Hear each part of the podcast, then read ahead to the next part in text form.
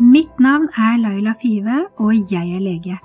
Vår hjerne og vårt nervesystem er helt fantastisk, men vi må lære oss å spille på lag med nervesystemet for å få et friskere liv med mindre smerter, mer energi og en bedre balanse i livet.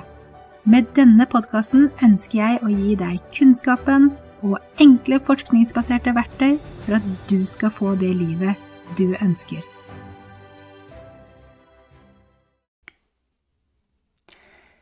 God dag og velkommen til dagens podkastepisode. Før sommeren snakket jeg med en av mine gamle pasienter, Astrid, som jeg har vært så heldig å bli kjent med. Astrid er en utrolig smart og klok og ressurssterk dame som eh, har levd på en måte som har vært veldig stressende for hennes nervesystem, uten at hun har vært klar over det. Men når hun fikk et ekstremt stressende år med ulike faktorer som la seg oppå hverandre, som til slutt dannet den perfekte storm, så tippet dette her hele balansen i hennes nervesystem. Og hennes nervesystem ble helt dysregulert, og hun fikk utrolig mange ekle og skumle symptomer som kunne gitt henne mye frykt hvis vi ikke hadde vært tidlig inne og snakket med henne om akkurat disse tingene. Hun har brukt eh, hele våren på å arbeide seg opp igjen, og er eh, nå i ferd med å komme tilbake i full stilling. Sånn som du hører her, før sommeren så jobber hun allerede nesten fullt, selv om hun er i 50% sykemelding. Før jeg ble kjent med hvordan man jobbet nevroplastisk, så har jeg slitt i allmennpraksis med å kunne gi de beste råd til denne pasientgruppen, og jeg har ofte um, følt meg utilstrekkelig som lege. Og jeg vet at det er utrolig mange fastleger ute i denne store, eh, lange landet vårt som har masse erfaring med dette, og som gjør masse god jobb i forhold til dette, og som hjelper pasientene sine tilbake i arbeidslivet når de har gått på en skikkelig smell. Men for meg i hvert fall så var det utrolig nyttig å ha spesifikke verktøy som jeg kunne bruke i mitt arbeid, og vite akkurat hvordan jeg kunne veilede Astrid tilbake i jobb igjen og i arbeidsførhet etter at hun eh, gikk på veggen eller eh, fikk en skikkelig smell, sånn som man ofte kaller det. Sånn at eh, ja, jeg håper at denne episoden kan være nyttig, enten for en som har blitt syk, eller for en som prøver å hjelpe noen som har blitt syk. Og husk at hvis du vil at andre skal få denne kunnskapen om nevroplastisitet, og at vi sammen kan spre kunnskap om dette her til hele Norge, sånn at både de som er syke og alle som behandler mennesker som er syke, kan få denne informasjonen, så håper jeg at du liker, deler episoden og rater med fem stjerner. Tusen takk!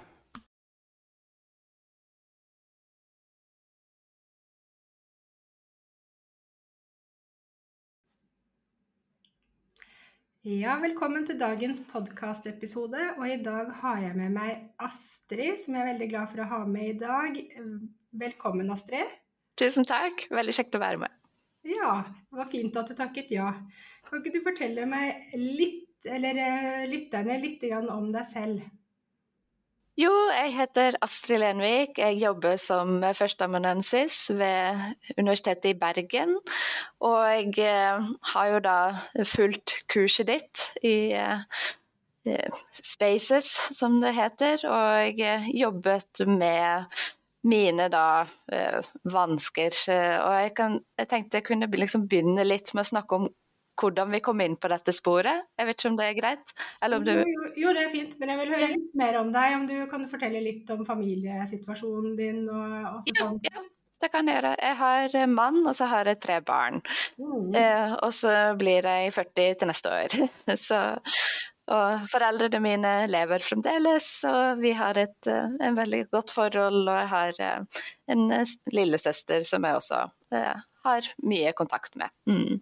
Mm, ja, Så du har veldig gode familieforhold, egentlig.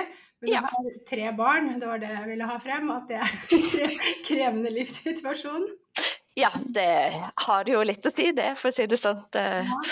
Kan du si litt om alderen til de barna dine? Ja, nå har alle tre har eh, bursdag i august, så jeg kan si de blir fem, ja. og 11 og 13. Ja, ja. Mm. De begynner å bli litt eldre nå. Ja, men uh, han som nå blir fem, han krever jo sitt fremdeles. Og mm. er jo litt sånn attpå klatten. Godklumpen, ja. Tre barn er jo krevende, da. Ja. ja. Ok, så da skal du få lov til å eh, begynne med hvorfor eh, du eh, kom, tok kontakt med meg, og hvorfor du Eller ja, hva som egentlig skjedde, og hvorfor jeg inviterte deg med i kurset. Vil du si litt om hvordan vi kjenner hverandre? Ja, du har jo vært min fastlege gjennom jeg vet ikke hvor mange år. Åtte år, kanskje? Syv-åtte år? Noe sånt, ja. ja. Så jeg har fått veldig god kontakt med deg som fastlege, syns jeg. Mm. Ja, så bra. Det er godt å høre. Men, så da kan du fortelle litt om hvorfor du kom til meg.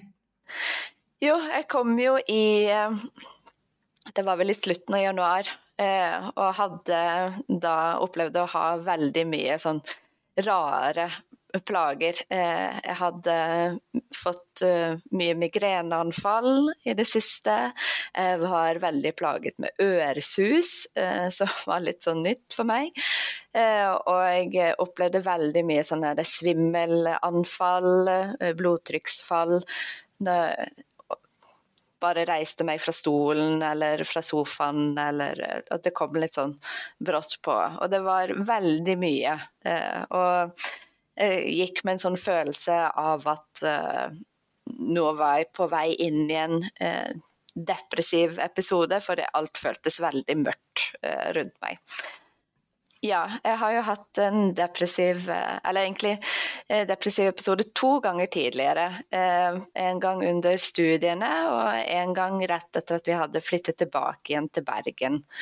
Eh, og hvor vi da jobbet en del med opplevelser fra barndommen og sånne type ting som eh, eh, følte ja, lå til grunn for dette. Eh, og så var det en del jeg kjente igjen nå, eh, men eh, det hadde også da lagt seg på det med migrene og den svimmelheten og den øresusen. Alt det var litt nytt, da.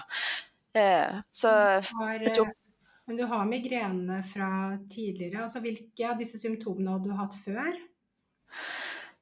Uh, ja, men ikke så utprega som det var da. Det var det veldig ofte. Jeg har liksom hatt den type hodepine sånn tidligere, det har jeg, men ikke så mye som det var da.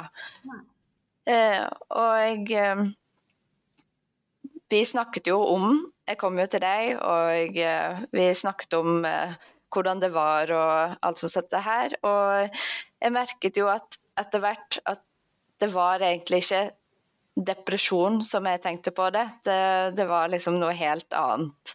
Mm. Uh, og det var veldig godt når vi begynte å nøste i det og liksom se tilbake på hvor uh, stammer dette fra? Hva er det som utløste dette her? Mm. Uh, og det var jo en Høsten var jo kjempestressende eh, for meg. Eller egentlig det for, hele det foregående året var jo veldig mye stress med levering av doktorgradsavhandling, som jeg først da fikk tilbake igjen med beskjed om at jeg måtte gjøre noen endringer, og så fikk jeg tre måneder på å levere den inn på nytt igjen. Og så skulle da den vurderes, og så skulle jeg gå opp til eh, disputas og forsvare den. Eh, og så var det rett over i ny jobb som førsteamanuensis og alt det. Eh, oppfølging med undervisning og veiledning av studenter og sensur. Og det var liksom Det var ikke noe fri fritid etterpå. Mm. Så det ballet jo veldig på seg. Ja, og så hadde jo du hatt egentlig mye stressbelastning før den høsten òg. Du var ja. en del syk og sånn, vil du fortelle litt om det? Ja, og det er jo sånn som jeg ikke har tenkt over før, men nå når vi da jobbet uh, i kurset og med å liksom se tilbake igjen, så ble det jo veldig tydelig at uh, en del av dette har stammer f.eks. fra da jeg fikk korona mm. i 2020 eh, og var innlagt på sykehus. Mm. Og brukte en del gans, Altså, jeg brukte vel hele den våren på å komme meg ordentlig igjen etter den episoden. Og så et år etter det så fikk jeg jo plutselig epilepsi. Ja. og fikk eh, fire anfall sånn eh, i løpet av det neste året. Som var jo også helt nytt, egentlig. Og samtidig så var det vel veldig mye syke barn og ja da, det... Siden Dere gikk om hverandre med sykdom. Det var en helt håpløs periode. Det var jo Altså, den ene fikk influ influensa, og så fikk den andre influensa. Jeg husker både to av de hadde skikkelig influensa i to uker og var helt utslått. og så fikk man ørebetennelse, og vi skulle operere minstemann og sette dren og ja. Det, det, har vært mye, rett og slett. Det har vært mm. skikkelig mye. Så mm. derfor når du kom til meg så sa du Laila, jeg tror jeg har blitt deprimert. Så så jeg på deg, og så tenkte jeg nei, Astrid, du, du, er ikke deprimert. Det har bare vært veldig, veldig mye stress over veldig lang tid. Ja. ja. Men eh, jeg hadde jo ikke tenkt over altså Man hører jo eh, man, Det snakkes jo mye om hvordan stress påvirker kroppen og alt det der, men den, eh, altså det nervesystemet og den samhandlingen som er der hele tida, det å bli obs på den, det, det var en game changer, egentlig, rett og slett. Så bra. Så bra. Ja. Ja, jeg har jo ikke snakket med deg på lenge, så jeg aner ikke noe om hvordan det går. Så jeg er så spent å høre, du, høre om hvordan du har jobbet i kurset, og hvordan du har det nå, og, og hvordan, ja, hvordan, det har hjulpet deg videre. Og, ja, så fortell, fortell. Akkurat nå så er jeg fremdeles 50 eh, sykemeldt eh, mm. på jobben. Eh, selv om jeg nok jobber, har jobbet mer enn sykemeldingen tilsier. Og det har jo litt med den perioden vi er i akkurat nå, med mye sensur og sånne frister som kan gjøre det litt vanskelig å hele tiden holde den sykemeldingsgraden.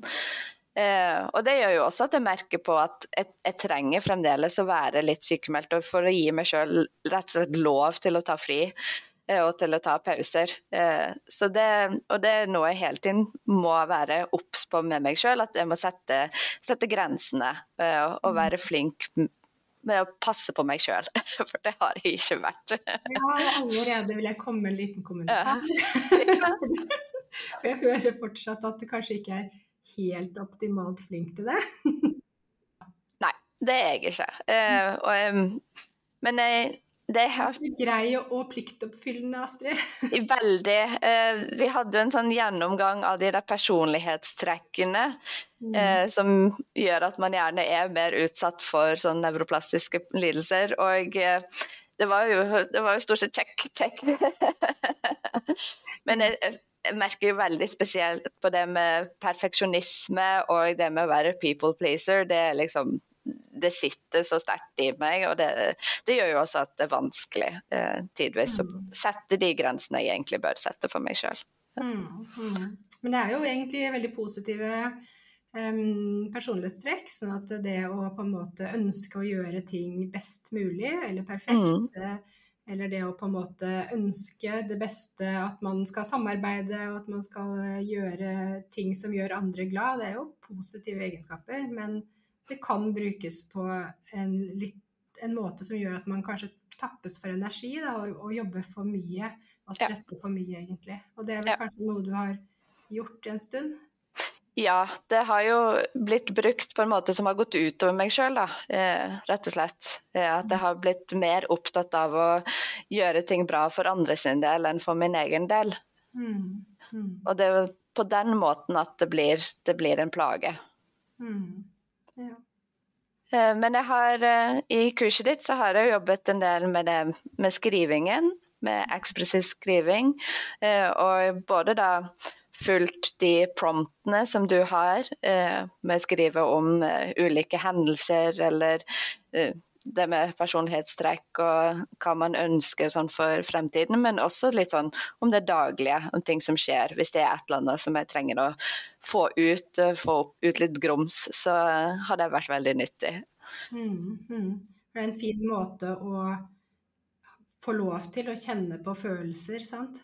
Mm. Man på en måte Ja, i, i dagens samfunn så er man så um, opplært da, til at man skal liksom være snill og grei, og du skal ikke være sint, eller du skal ikke være negativ, eller du skal ikke si noe stygt om noe eller noen, eller tenke sånne tanker. Så det blir fort at man undertrykker alt det, og så får ingenting av det komme opp. Og så ligger det bare og stresser i systemet. Ja. Så du syns det at den skrivingen hjelper deg til å komme, på en måte få ut det grumset som du kan ha liggende, da? Ja, ja helt klart. Mm. Eh, og så har jeg brukt eh, meditasjon veldig aktivt, eh, og bruker det daglig. Gjerne på jobben. Jeg tar meg en pause og liksom får kobla helt av. Og øvd mye på pustingen. Og den, bare sånne små pusteøvelser, det bruker jeg nesten hele tida. Altså hvis det er et eller annet som åh, Da var det godt å bare puste litt ordentlig ut. og ta den tida eh, til å faktisk fokusere litt på pusten og senke pulsen litt igjen, da. Mm. Eh, så det syns jeg også har vært veldig nyttig.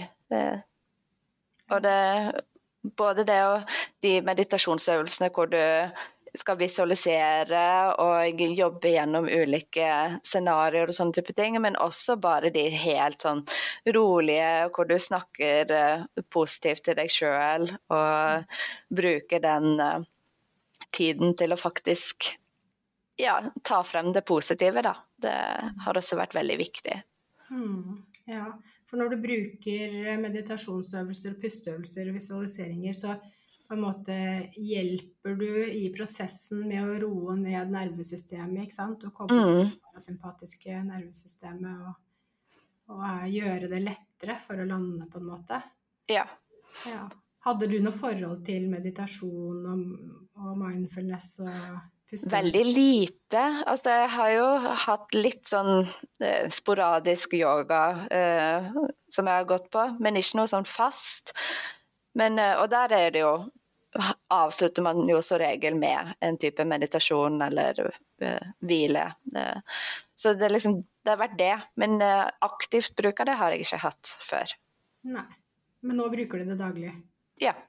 ja. Det gjør jeg. Og du kjenner det hjelper deg i hverdagen? Ja. ja. Mm, så bra. Er det noen andre erfaringer du har gjort der?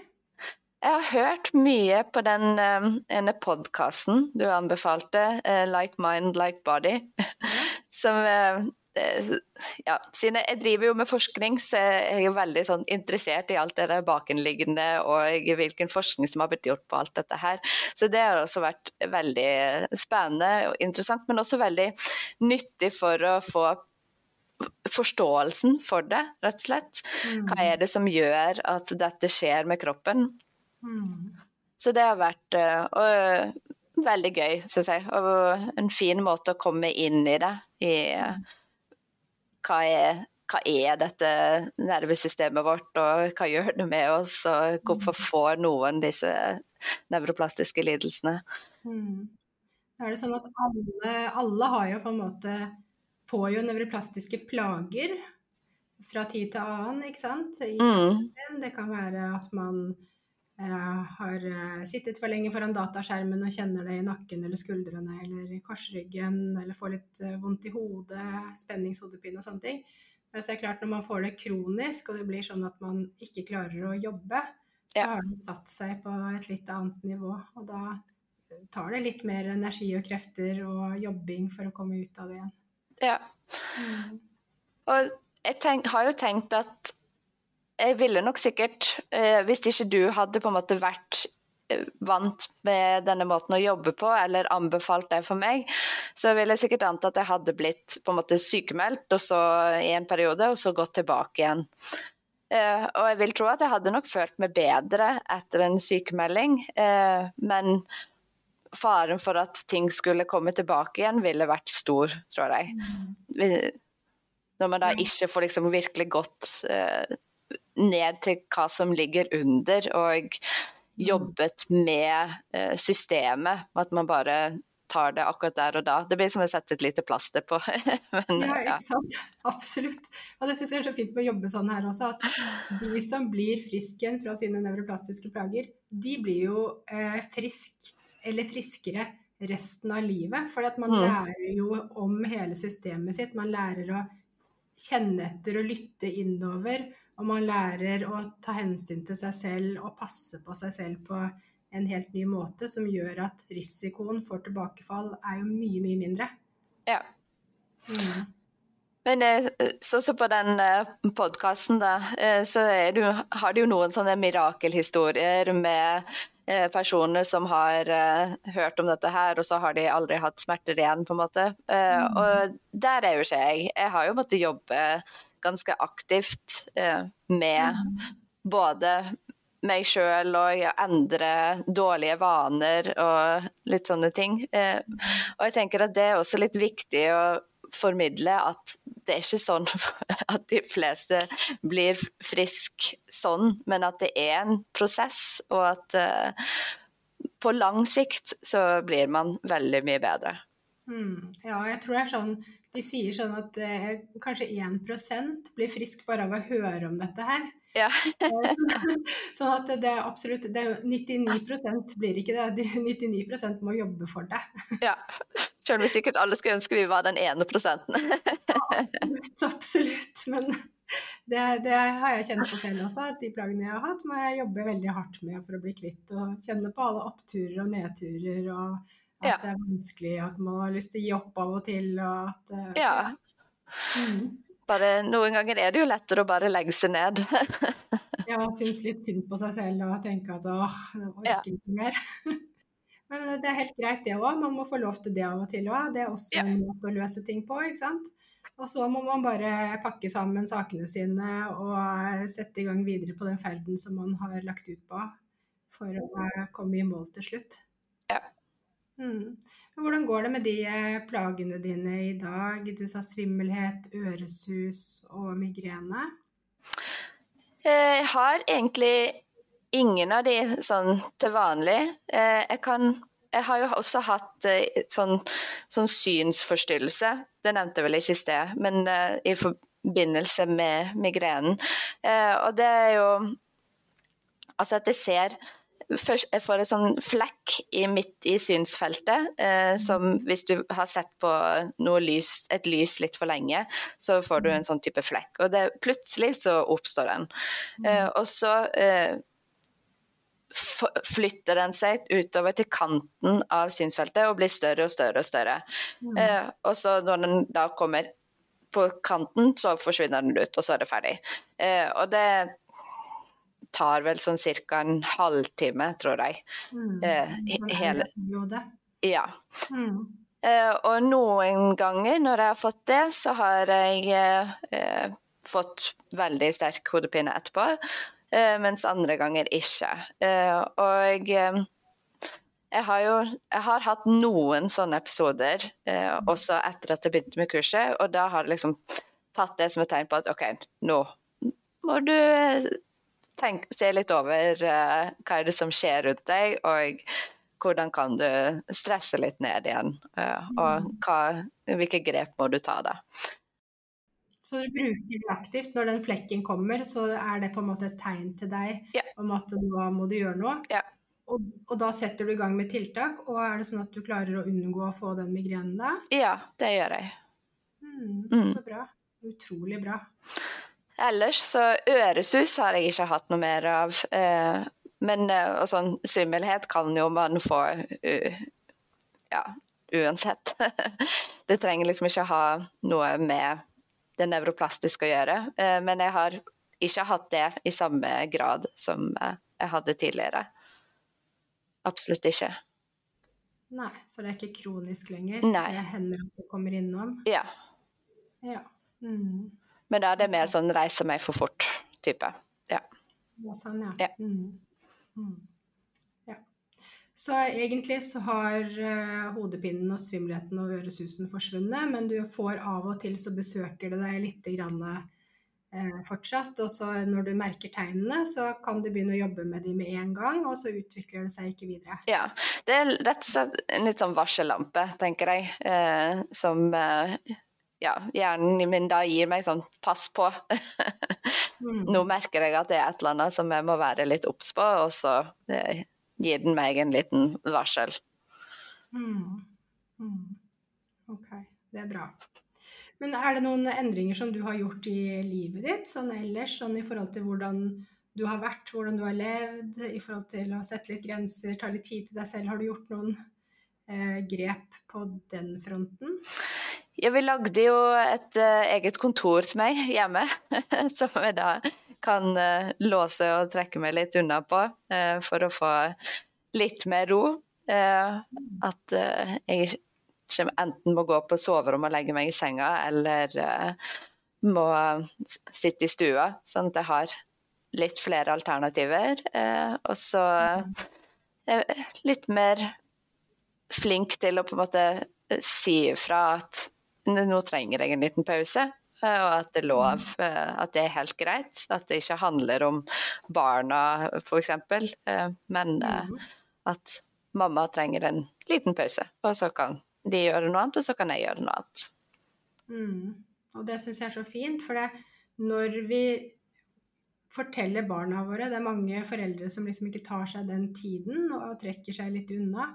Jeg tenker at det er så fint og så nyttig. For da lærer du jo barna dine også at det, når de er slitne, så har de lov til å ta vare på seg selv. Mm. At de kan få den kunnskapen til de blir voksne. ikke sant? At det er lov til å trekke seg litt tilbake når man blir sliten, Ja. og hvile litt og ta litt hensyn til seg selv, og så er man på igjen etterpå. Ja. ja. Eh, Jeg tenker det også handler mye om eh, altså å vise kjærlighet, da, rett og slett. Eh, At jeg viser kjærlighet til barna med å også vise kjærlighet til meg sjøl, og ta vare på meg sjøl. Og at jeg lærer de da å være glad i seg sjøl er like viktig som å være glad i andre. Ja, så fint. det var veldig fint sagt. ja, det er nyttig kunnskap. Altså det vi gjør, det er jo ikke eh, de, de gjør jo ikke bare det vi sier, de gjør jo det vi gjør. Ja. Så eh, vi er jo i gode, må være gode forbilder i handling, ikke bare i det vi sier. Helt klart.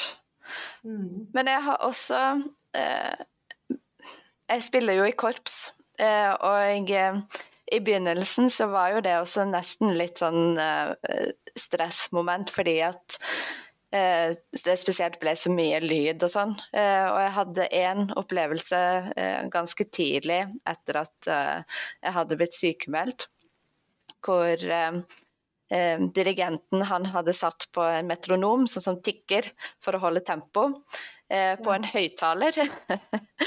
og det ble en sånn skikkelig sånn sterk lyd. som jeg ikke da Altså ellers så ville jeg nok aldri reagert på det som sådan, eh, men akkurat i der hvor jeg var da, både sånn kroppslig og mentalt, så ble det eh, forferdelig. Eh, og jeg husker at i pausen så måtte jeg bare gå og legge meg ned på en sofa og gråte, fordi at hele systemet ble bare eh, helt overstimulert. Og det ble altfor mye. Og jeg klarte ikke å være med på den øvelsen igjen, da, rett og slett. Nei, du ble altså eh, Lydstimuli ble overveldende for deg, sant? At Ja. alle lyder blir veldig forsterka. Ja. Det er jo sånn typisk tegn på nevroplastisitet. Ja, eh, og det Mm. var jeg jo ikke forberedt på, for det har jeg på en måte ikke hatt. Jeg har ikke hatt et sånt problem tidligere. Eh, Men det var også sånn, OK, jeg ser det her òg. Jeg må virkelig ta meg tid til å også ta det med ro på denne arenaen, da. Selv om det utgangspunktet er noe som gir meg veldig mye glede og mestringsfølelse og sånn. Hva, hva betyr det? Betyr det at du ikke er der nå? Jo da, jo da. Det, men eh, at jeg også da, i de settingene, må passe litt på. Ja.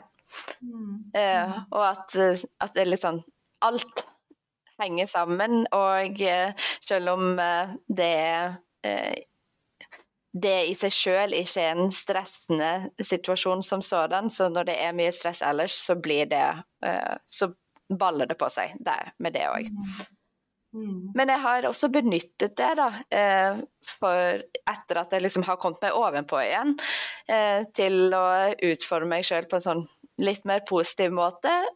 Og jeg, jeg som det, man, Med de perfeksjonistiske trekkene så ønsker man jo at man skal spille perfekt og sånt hele tida, og det går jo ikke. Eh, det, jeg er jo på ingen måte noen profesjonell musiker, så jeg gjør jo feil. Eh, men jeg utfordret meg sjøl med å eh, spille en solo eh, på en konsert eh, med bare meg og piano. Og det gikk også Altså, ja, det ble noen små feil, men det gikk i det hele veldig fint. Eh, og også den opplevelsen har liksom vært med på å roe eh, nervesystemet, fordi at det går bra.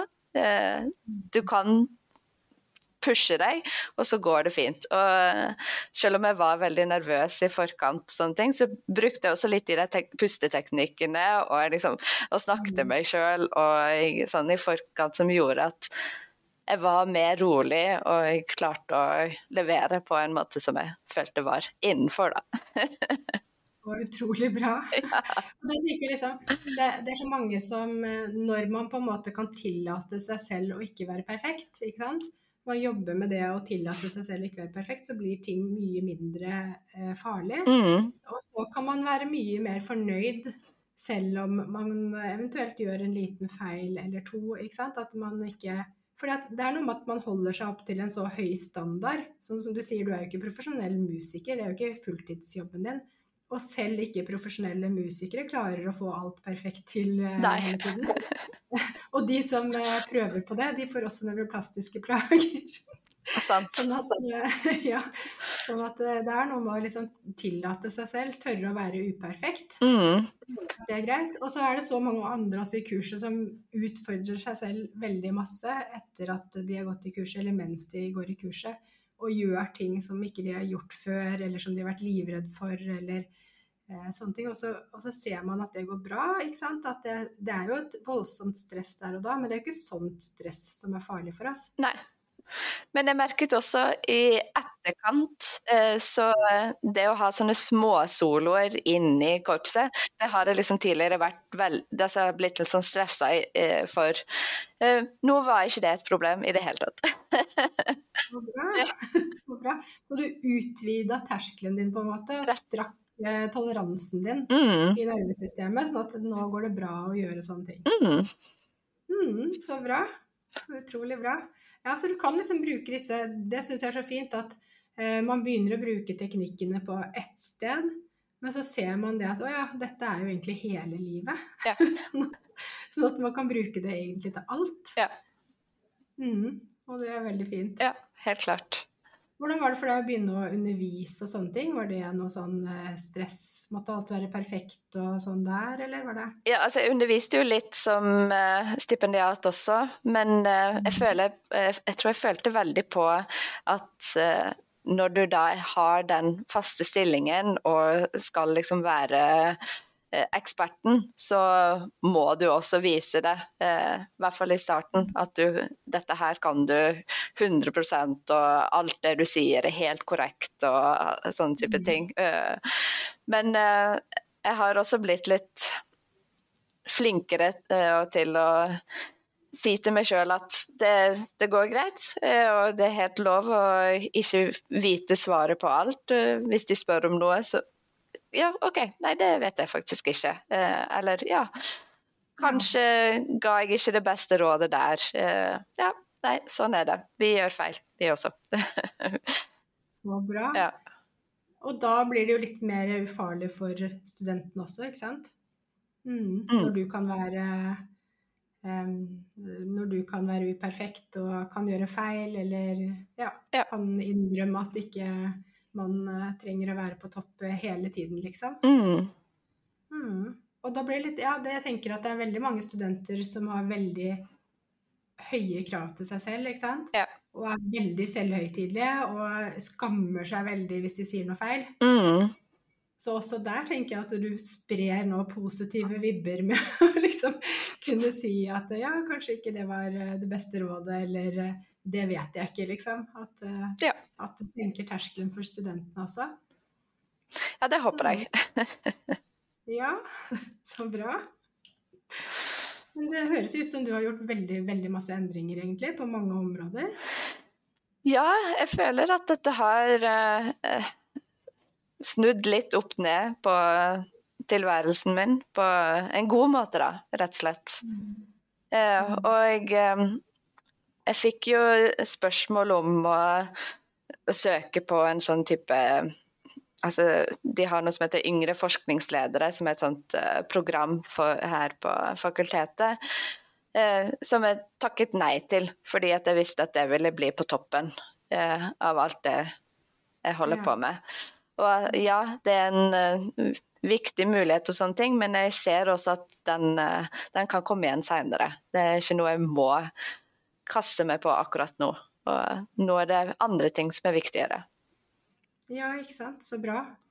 Man har jo kanskje lyst til å Man blir kanskje litt smigra over å bli tilbudt uh, noe sånt nå, og så får man veldig lyst. Og, men uh, samtidig så må man jo tenke på hva er realistisk for meg i min livssituasjon akkurat her og nå. Mm.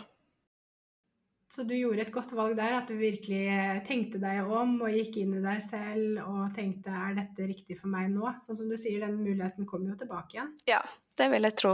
Eh, altså, og om den ikke gjør det, så tror jeg det finnes andre muligheter til uh, å utfordre seg sjøl faglig her, så det skal nok gå fint. Uh, men jeg, var, jeg, var, veldig i tvil til å begynne med. Altså, det er jo spennende, men jeg er veldig fornøyd med det valget jeg tok.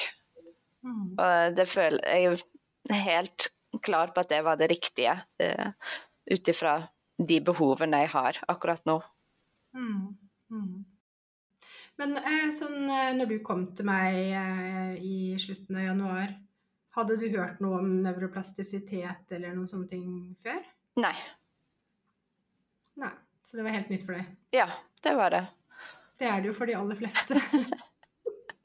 Så de fleste leger jobber jo ikke på denne måten, og jeg gjorde jo ikke det før jeg heller. Nei. Og hadde du kommet til meg ja, kanskje bare et år før, så hadde jeg vært sånn ja, gå hjem og hvil og ta vare på deg selv, så snakkes vi jevnlig og hører om det går bedre, om du kan begynne å jobbe snart. Ja, ja. Ikke sant? Og det var jo ikke noen gode råd. Men det var det jeg hadde i verktøyskassa den gangen, ikke sant. Sånn at eh, det har jo Man ønsker jo å, å gjøre så godt man kan, og ja. Jeg, jeg, hadde ikke kunnskapen der, rett og slett. Nei. Men uh, jeg er veldig glad for at jeg har fått den nå, for jeg så jo det i allmennpraksis hvor mye lettere jobben min ble.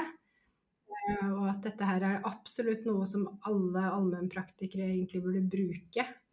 Fordi at da ja, risikerer man jo også å bli mindre utbrent i jobben sin. For det, ja. Man vil jo hjelpe pasientene sine, og når man ikke kan hjelpe pasientene sine, så blir man litt sånn frustrert. Helt klart. Og pasienten blir frustrert over å ikke få noe god hjelp. Ja, ikke minst. Det er jo ikke noe kjekt å kjenne på at det, man blir ikke bedre. Eh, selv om man går hjem og hviler og gjør det legen sa at man skulle gjøre, så funker det på en måte ikke i det lange løp. Nei. Eh, og jeg kjenner jo veldig på eh, personer jeg kjenner i familie eller uh, venner eller sånne ting, som jeg tenker også hadde hatt godt av å jobbe på denne måten. Men mm. hvor det kanskje litt uh, Altså, jeg kan anbefale den podkasten eller noe sånt, men det, det, er liksom litt vanskelig å bare gjøre det òg, uten at de har noen som kan følge de opp på en god måte, eller som kan liksom hjelpe de underveis. Ja, ikke sant. Altså, du må jo på en måte ha eh, ja, kurs eller noe personlig oppfølging som grunnbase for ja. å lære alle teknikkene og sånne ting.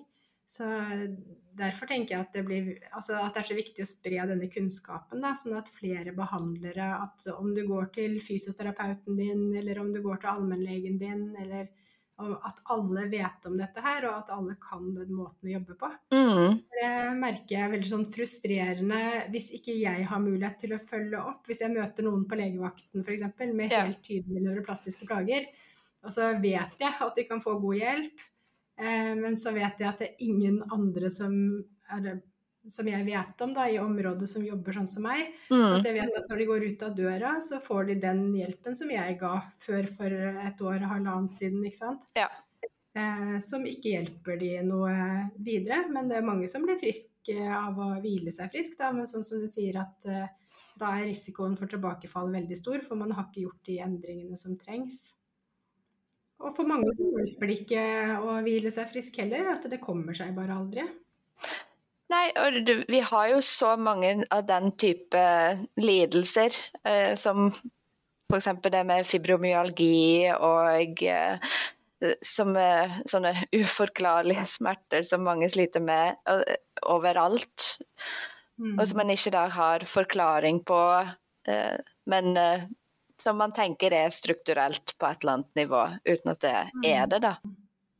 Eh, og jeg merker jo det når jeg snakker med andre om måten jeg har jobbet på og mine plager og sånne ting, så blir det sånn Ja, det gir jo mening. og det gjør jo det. Uh, og det mm. Jeg syns jeg husker ikke akkurat hvem av det som sa det, men i den uh, Like Mind, Like Body så var det en av de legene som sa We're all just a bundle of neural pathways. Vi er liksom bare en stor nerveklump, uh, alle sammen. Og uh, det å få den forståelsen på at ja, vi henger sammen, hele systemet, det er så viktig. Mm, mm, absolutt. Så det er store endringer man kan gjøre med å bare begynne å jobbe på denne måten. Um, mm. Mm. Og så er det vel mye med det livet som vi lever i dag også, som ikke vi er så godt tilpasset. ikke sant? Det dagens samfunn er ekstremt stressende. Det krever veldig mye av oss. Så vi må nesten ta bevisste valg i forhold til å roe ned og ta hensyn og sette grenser og passe på oss selv, rett og slett. Ja, helt klart. Mm. Det er veldig lett å gå i den fellen om at uh, alle andres behov er mye viktigere enn mine. Mm. Og alle andre får det til, så ja. jeg må jo også få det til. Ja, eller det må være noe veldig feil med meg som gjør at jeg ikke får det til. ja, ikke sant. Ja, men uh, det er jo ikke det, for det viser seg jo det at alle andre også sitter og sliter. Ja. Så det er ikke sånn at alle andre får det til, det bare ser sånn ut på utsiden. Ja. Jeg syns den der uh, metaforen som blir brukt med at du skal ta på din egen sånn uh, oksygenmaske før du hjelper andre, den er veldig riktig også i denne situasjonen. Mm. Du må faktisk eh, tenke over din egen kropp og din egen helse og dine egne behov før du går ut og hjelper alle andre òg. Mm, det er sant. Og man blir jo sånn eh, Jeg tenker hvis man ikke er velregulert i sitt eget nervesystem, og så har du barn eh, som krever av deg hele tiden Du blir jo ikke den beste utgaven av deg selv hjemme heller, liksom. Du blir jo sånn irritabel og får litt kort lunte og alle disse tingene.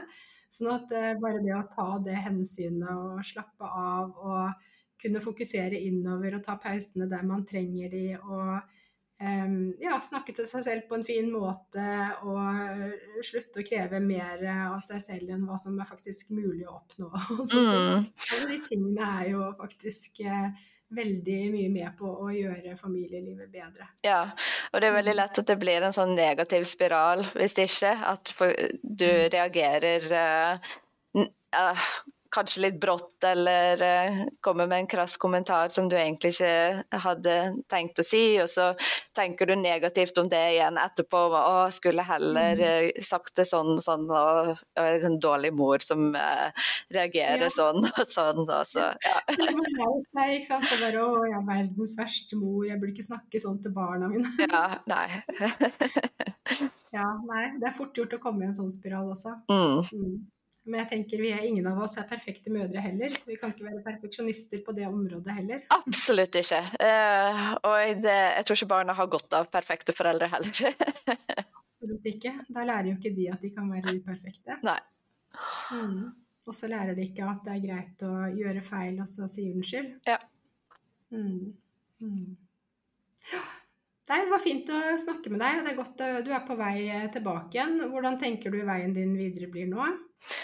Eh, nå har vi blitt enige, eh, meg og eh, fastlegen, om at det skal være sykemeldt over sommerferien. Eh, mm. Og så eh, blir det er målet at det skal være 100% tilbake igjen i løpet av høsten. Mm. Mm. Mm. Men at man ikke At det ikke skal gå for raskt heller. Mm. Mm. Ja. Mm. Så du tar litt hensyn til deg selv for første gang? Ja, ja, det er bra. prøver. Ja. Mm. Mm. Så fint. Er det noe vi har utelatt, noe du kunne tenke deg å si nå? Ikke som jeg kommer på. Nei, Nei. jeg tror ikke det. Mm.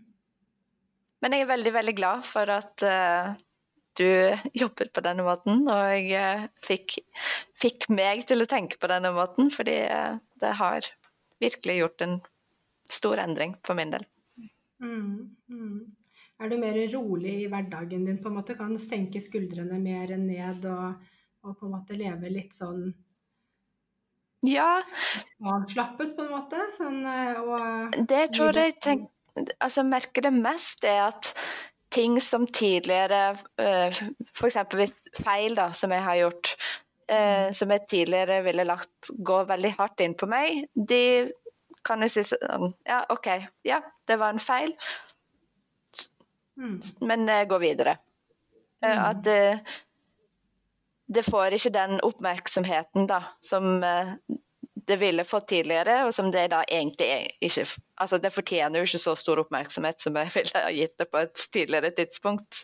Nei. Nei. Og all, all den oppmerksomheten som man gir til sånne ting, det suger jo energi ut av en på flere områder. Sant? Ja. Altså alle de tankene der suger energi ut, og så ender det med opp med at man kommer i den der sympatiske aktiveringen og evige stresset, og så tipper til slutt lasset. Ja. Nei, det har blitt lettere for meg å legge det til side igjen. At ting oppstår, man gjør feil, men eh, man kan gå videre likevel. Mm. Mm. Er det ting du jobber med nå? Eh, nei, ikke sånn eh, direkte. Det er mer det vanlige med å eh, ta tid. Det du møter i hverdagen, liksom, Ja. og så jobber du én og én ting av gangen? Ja. ja. Mm. Mm. Ja. ja, for det dukker jo opp nye triggere hele tiden. ja. Det er sånn Man tror man er ferdig og har jobba med én trigger, så da dukker neste opp. Ja da, ja da. Det er alltid noe. Ja, det er litt sånn man lærer seg selv å kjenne og systemet å kjenne til slutt. Da, at man blir veldig godt kjent med seg selv. Mm. Fordi at man legger merke til alt som trigger en, og som man trenger å jobbe med. Mm. Men det er spennende. da. Syns ikke du det er mye mer spennende nå, på en måte? At du har verktøya og vet hvordan du skal jobbe, og så vet du Føler du ikke større grad av kontroll i livet, på en måte? Jo, helt klart. Mm. Og så sant? Det er ikke alltid jeg klarer å bruke verktøyene på riktig måte, eller eh, eh, ta det riktige valget der og da heller, men det er også greit. Uh, og det har jeg også på en måte lært meg at ja, men det er greit, da tar vi, tar vi det neste dag istedenfor. Uh, Ja. og at denne uh, bedringsprosessen, da, den uh, er ikke gjort på én, to, tre. Det er en, det er en lang vei å gå, kanskje. Men uh, jeg ser helt klart for meg at jeg vil være helt frisk igjen. Mm. Ja. ja. Det er jeg også 100% sikker på. Og jeg vet også det at eh, risikoen for at du faller tilbake igjen, er minimal. sant? Ja. Og det er veldig godt å vite at når du har fått kontroll i ditt liv, så vil ikke du tillate, med mindre noe helt uforutsett skulle skje, da. Det kan jo skje med alle, ikke sant? Ja da. Innenfor normale omstendigheter så, så kommer det til å gå fint videre. Mm, det er det jeg helt sikker på. Ja. Og det er veldig godt å kjenne på. Ja, ikke sant? Ja. For det er ikke noe sånn at eh, man, eh, man er ikke så offer for ting lenger, på en måte. At eh, plutselig skjer det, og plutselig skjer det, ikke sant. Og jeg skjønner ingenting, og Ja. ja. Hvorfor skal dette her hende skje med meg? Ja, nei, kanskje altså, man føler seg mer som liksom, den styrende aktøren da, i sitt eget liv. Eh, og det er jo veldig godt å kjenne på det òg. Selv om man ikke har kontroll over alt, så uh, har man i hvert fall kontrollen der. Og, Mm. ja. Mm. Så bra. Ok, men uh, tusen takk for at du stilte til oss, Astrid. Det var veldig hyggelig. Nå håper jeg at du fant denne episoden med Astrid nyttig for din del også, og jeg håper at eh, du har lært litt om hva som skal til for å kanskje tippe et nervesystem. Jeg lager denne podkasten for å hjelpe behandlere og pasienter med å finne veien ut av kronisk sykdom. Men det er ikke bare derfor jeg lager den. Jeg lager den også i stor grad for at mennesker skal unngå å gå på en smell eller bli utbrent eller få kroniske nevroplastiske plager. Sånn at hvis vi med denne kunnskapen, med å spre denne kunnskapen, kan få mennesker litt tidligere til å tenke seg litt om, om hvordan man lever livet sitt, og, og alle belastningene man kanskje har i livet, sånn at man slipper å eh, bli kronisk syk og måtte gå den lange, tunge veien tilbake for å få tilbake livskvalitet, livsglede og um, energien sin igjen, så er dette her å sitte og lage disse podkastene um, og bruke masse tid på det uten noen sponsormidler og uten noe lønn, uh, det gjør det verdt det. Fordi at vi virkelig trenger et løft i det norske helsevesenet, og vi trenger å få fokus på stresslidelser, og vi trenger å forebygge sykdom som det er altfor lite fokus på i Norge i dag, fordi vi bruker så enormt mye ressurser på å behandle mennesker som allerede har blitt syke. Så derfor, igjen, så håper jeg at du liker og deler og rater episoden, og så høres vi igjen om 14 dager. Takk for nå!